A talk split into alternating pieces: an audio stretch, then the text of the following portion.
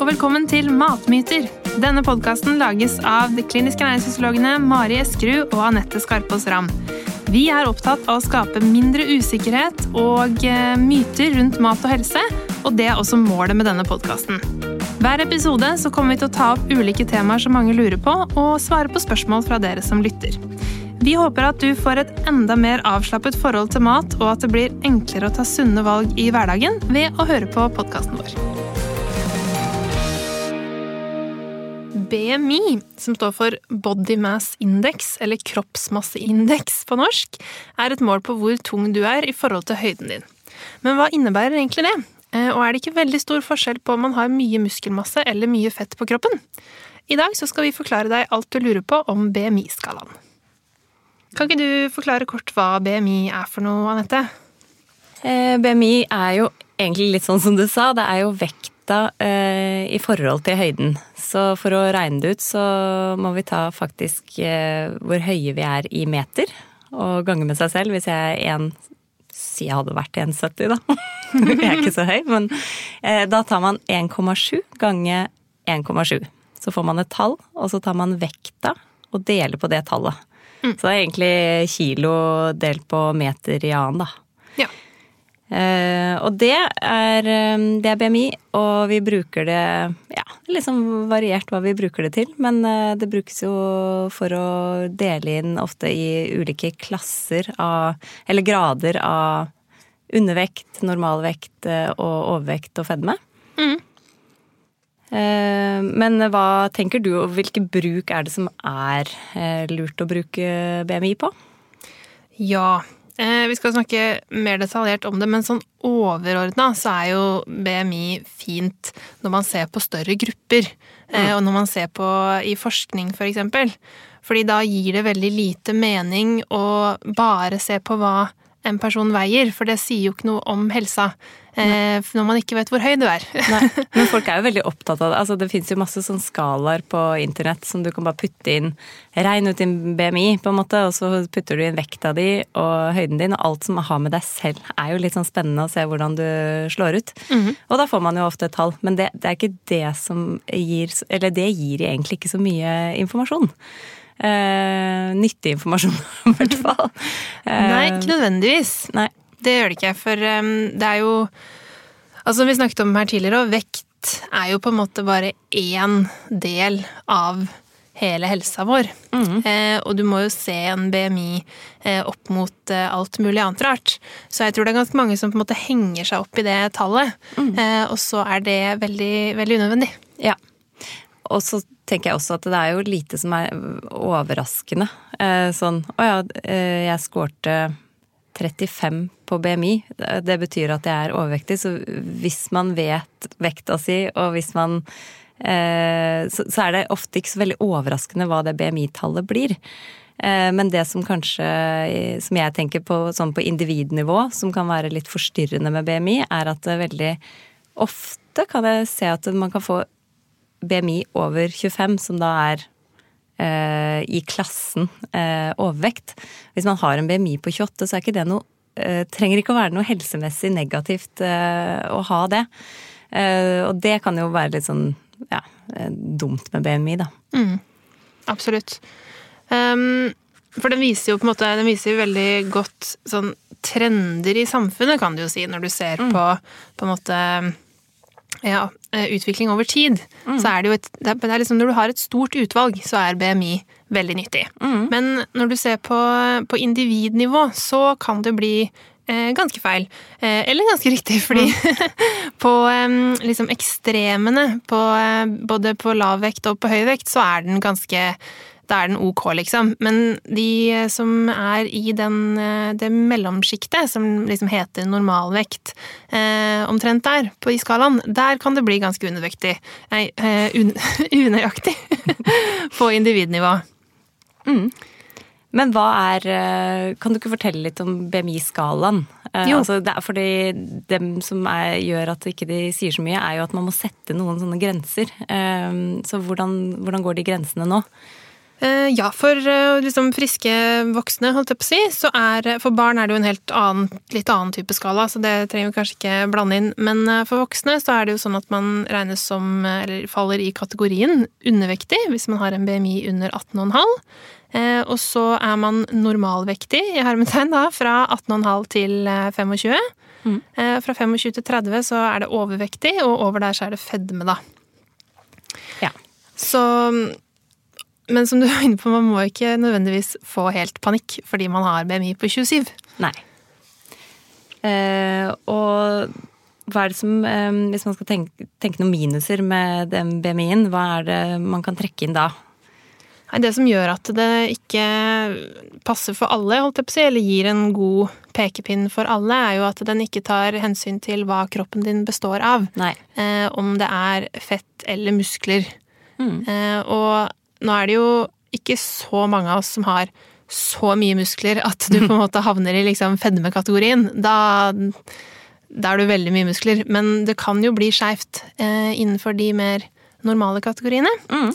Eh, og i tillegg så er det dette her med at den ikke ser på hvor du har eh, fett. Altså hvor, er, hvordan er kroppsfasongen din. Mm. For kroppsfasong har jo faktisk litt å si. Ja. Hva er det du tenker på da? Hva er det som vi kan måle da? Ja, det man ser er jo at eh, det å ha um, mye eh, fettvev, spesielt rundt magen, ikke er like bra som å ha det rundt rumpa, for mm. eksempel. Mm. Mm. Og det sier jo selvfølgelig ikke en BMI noen ting om, for den vet bare vekt og høyde. Ikke sant? Den vet ikke hvor du har fettvevet ditt plassert. Nei. Eller om det er muskler. Mm. Eh, jeg brukte en lang periode å ikke gidde å regne ut BMI, eh, men jeg brukte livvidde, altså målte mm. livvidden, og det syns jeg også er et bra mål både for risiko for sykdom, men, men også når man gjør tiltak da, og endringer, og så ser man at livviden går ned. Mm. Det er jo ikke alltid eh, at de tiltakene man gjør, gjør noe med vekta. Så da ville det jo vært veldig demotiverende å sett på da BMI-en, for den ville stått bom stille. Men hvis man starter å trene eller legger om kostholdet, så kan man likevel se en endring på livviden. Eh, sånn at den, den, sier jo ikke noe om kroppssammensetning eller eh, hvor fettet er fordelt, ja. Sånn som du sa. Mhm. Så den er egentlig veldig fin, og noe man eh, burde bruke mer, tenker jeg. Mm. For den ja, tar jo hensyn til Altså du kan ha endringer i kroppssammensetning uten at du nødvendigvis går ned i vekt, og så kan mm. det synes der, og du kan ha Eh, på en måte, det er jo mange av oss som har mer fett på rumpa enn de har eh, på magen. og da er det ja. også mer motiverende, kan du si. Ja. Og riktig også, da, mm. å måle livvidden. Damer Der... kommer jo ofte, ofte, eller oftere, litt bedre ut der med, med å ha litt mer fett rundt rumpe og lår eh, fremfor eh, livet. Mm.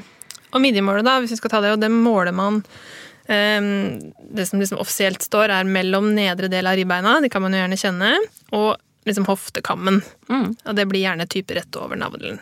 Mm. Eh, og da er det liksom Der er det også satt grenser, da. Samme måte som BMI. Og det er jo sånn Det er jo en standard ja, det er litt slingringsmonn på sånt også, men da er det på en måte anbefalt da, å ha under 80 cm for kvinner og 94 cm for menn, med tanke på risiko for eh, diabetes type 2 og hjerte-karsykdom. Mm. Og så har WHO eh, noen grenser som går på 88 for kvinner og 102 for menn, så de er på en måte i gåstegn litt snillere. Ja, okay. eh, sånn at eh, det er eh, Ja. Det er som de BMI-grensene, at det er jo ikke sånn der fra, fra akkurat BMI 25 eller akkurat livvidde 80, så har du større risiko for sykdom. Det går jo sånn gradvis. Det er jo ingenting i kroppen som er helt sånn av og på. Nei. Eh, men vi må jo sette grenser sånn med tanke på diagnostikk og sånne ting mm. Eh, i dagens samfunn. Eh, mm. Så ja, akkurat på samme måte som det ikke nødvendigvis har noe å si om du har på en måte BMI 24,5 eller 25,5, så har det heller ikke så mye å si for helsa om du ligger på 21 eller 24. Nei. Det er liksom, du er innafor normalområdet, og mm. det er bra. Ja. Men du sa at det, har, det er et godt mål eh, for store grupper. Mm. Hvordan har BMI-en vært, eh, husker du det, i Norge de siste åra? Um, den har jo økt. Mm. Litt uh, jevnt uh, og trutt fra mm. ca. på 90-tallet der. Mm. Uh, og det er jo liksom parallelt med velstandsutviklingen i samfunnet vårt, da. Eh, så Og det er jo ikke fordi at vi har fått mer muskler. Nei, det så tror jeg vi kan trenden der er jo liksom på en måte Det er både billig eh, og enkelt å måle BMI, og så kan man se en sånn trend i samfunnet at eh, vekta øker, og graden av overvekt øker. Mm. Eh, så sånn sett er det jo et eh, veldig godt mål. Ja, ikke sant. Det er, veldig, det er veldig kjekt å ha, og vi skal fortsette å bruke det på en måte når vi snakker i liksom de store tallene, men det er eh, akkurat den kalkulatoren på internett for din egen del som ikke er nødvendigvis så viktig, da. Mm. Hvordan er det med mm, eldre, da? Er det de samme BMI-grensene der, eller hva tenker man med Hvordan bruker man BMI for eldre? Der er det faktisk litt eh, forskjøvet, fordi der regner man at det er best å ha en BMI eh, fra 20 og til 25, ikke fra 18,5.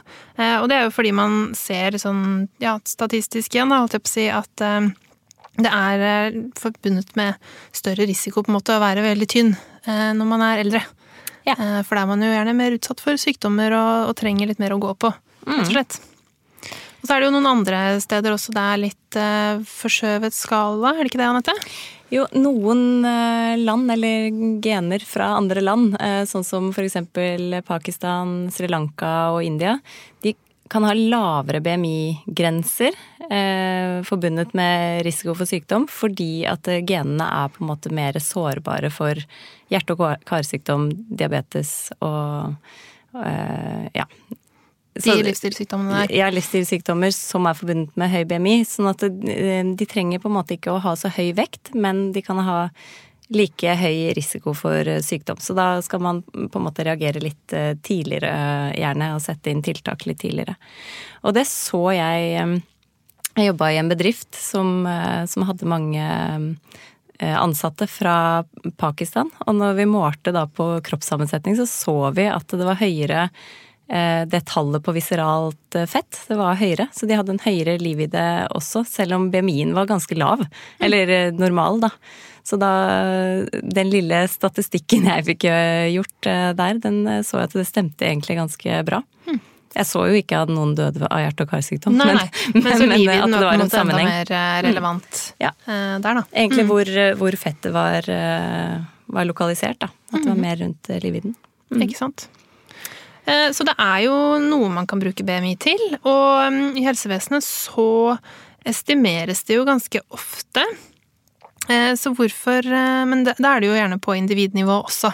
Jeg Tenkte vi skal snakke litt om hvorfor man egentlig gjør det, da. Eh, Jeg tenker i hvert fall eh, når jeg bruker det, så, så syns jeg det er fint med mange objektive mål. Sånn at man eh, følger med på, på endring. At det, kanskje på blodprøver. Blodprøvene har endra seg, og BMI har endra seg. Og ja, vekt og BMI blir jo sammen når man ser på endring, da. Men for høyden gjør man ikke så mye med.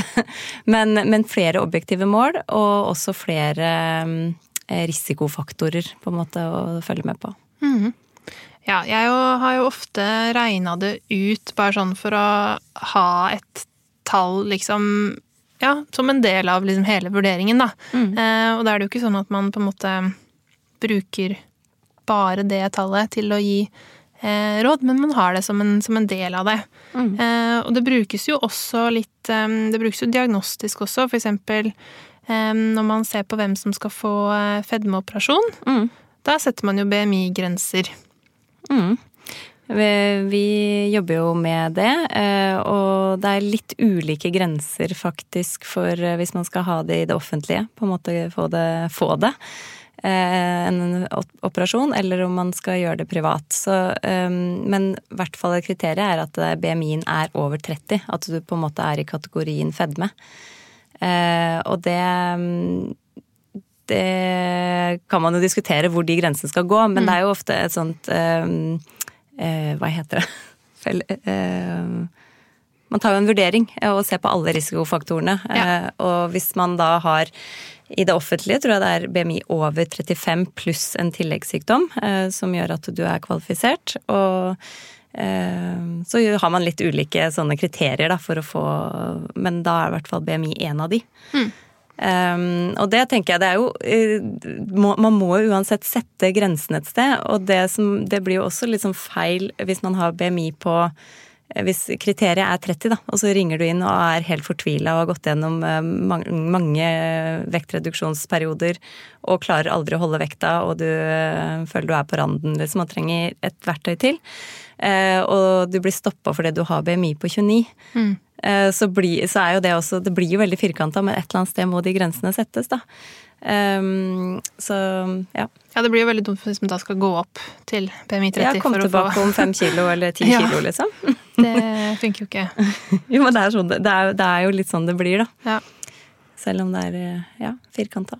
Ja. Mm. Altså, det er jo litt sånn det brukes. Altså, i, I svangerskapsomsorgen også så er det vel sånn at BMI over 35 utløser en uh, henvisning til spesialisthelsetjenesten. Og det er jo fordi man da ser uh, i studier at det er forbundet med økt risiko for komplikasjoner. Det betyr jo ikke at den enkelte personen kommer til å få det, eller at, man liksom, at det nødvendigvis er noe gærent. Men det er, jo, det er, jo, på en måte, som du sier, bare for å sette grensa et sted. Mm. Og man vet at dette er en utsatt gruppe som vi må følge opp litt ekstra. Mm. Og det betyr jo heller ikke at den personen på BMI 34, akkurat ikke BMI 35, Nei. ikke trenger en ekstra oppfølging eller gjør noe tiltak. Sånn at det er eh, ja, det, det, er jo det negative med det. At det, når man først har satt sånne grenser, så blir det kanskje litt svart-hvitt. Mm. Men vi må prøve å bruke det fornuftig, i hvert fall. I helsevesenet. Ja, definitivt.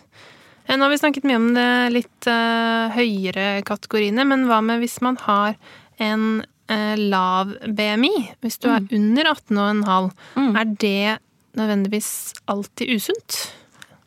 Eh, nei, det eh, Da pleier jeg å se på litt hvordan har vektutviklinga vært.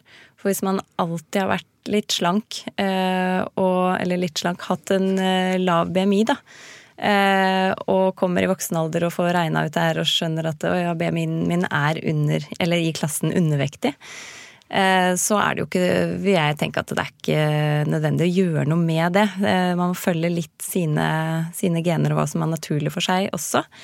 Eh, men hvis man har et vekttap, f.eks., og plutselig havner i en ny på en ny kategori, da, eller en lavere BMI, så, så, kan man jo reagere og prøve å gjøre, inn, gjøre noen tiltak, eller i hvert fall sjekke hva er årsaken til at man går ned i vekt. Men eh, jeg tenker ikke at eh, alle BMI-er må gjøres noe med hvis de er utafor normal, eh, normal kategori. Mm. Det er jo mer som vi sier opp, oppi BMI også, så er det jo litt som hvis man har andre symptomer da, på at man har for lav vekt. ikke sant? Hvis man som kvinne mister menstruasjonen eller liksom sånne type ting. Mm. Da er det jo eh, mer grunn til å ta affære. Mm. Men eh, bare BMI i seg selv sier ikke så mye. Nei. Vi har en, en myte også, vi. Eh, og det er dette her med eh, tung beinbygning. Det, mm. jeg, det er sånn man har hørt uh, før. Jeg, jeg, å, nei, jeg er ikke så Jeg er bare tung fordi jeg har tung beinbygning, eller big bone, som det heter på engelsk. Mm. Um, hva tenker du om den? Eh, akkurat skjelettet veier ikke så Eller har er det ikke så stor forskjell på fra person til person hvor mye det veier, for det veier faktisk ganske lite også. Eh, beinmineralvekta er eh, mellom to og tre kilo, tror jeg. Mm. Eh, sånn at det, det, at vi har kraftig beinbygning vil nok ikke stemme, sånn sett at det har så stort utslag på vekta. Men, men jeg tror det som ligger i det begrepet, at man har tung beinbygning, det er jo kanskje liksom at vår familie er kraftige. på en måte, mm. kan være det man mener, egentlig. Og det har jo noe å si. Altså hva som er naturlig for seg, eller hva som ligger i genene. At man eh, skal ha vekt. Um, så det er jo ikke alltid det er det, det, kan være en forklaring, på en måte. Mm. Uh, men ikke uh, det at skjelettet veier så mye mer, er, Nei, er ikke riktig. For det er jo, liksom, det er jo forskjell på en måte um, etter hvor, hvor, stor person man er. på en måte. Hvis du er dame på 1,50, så har du jo et lettere skjelett enn en mann på to meter, på en måte. Mm. Men sånn, hvis man ser på folk som er sammenlignbare, da, i størrelse, ja. så, så, har det ikke så mye å si. Nei. Så det er, det er, en myte, kan vi mm. slå fast. Det er på en måte fettvev og muskelmev eh, som utgjør forskjellene. Mm. Så avslutningsvis så kan vi si at eh, BMI er et verktøy som først og fremst er nyttig når man ser på store grupper, og gjerne i forskning. På enkeltpersonnivå så er det en ålreit pekepinn for å si noe om helsa di, men det er aldri hele historien. Eh, og samtidig så er dette noe som helsepersonell skal vite, så jeg syns ikke man skal bli helt oppgitt, på en måte, hvis, eh, hvis man er et sted og noen regner ut BMI-en. Den kan inngå som en del av en vurdering, men aldri liksom hele sannheten, da. Så hvis du ønsker et mål på hvor sunn vekta di er, så kan midjemål være et bedre verktøy, men det aller viktigste er jo at du spiser sunt og er i aktivitet og har det godt med deg selv.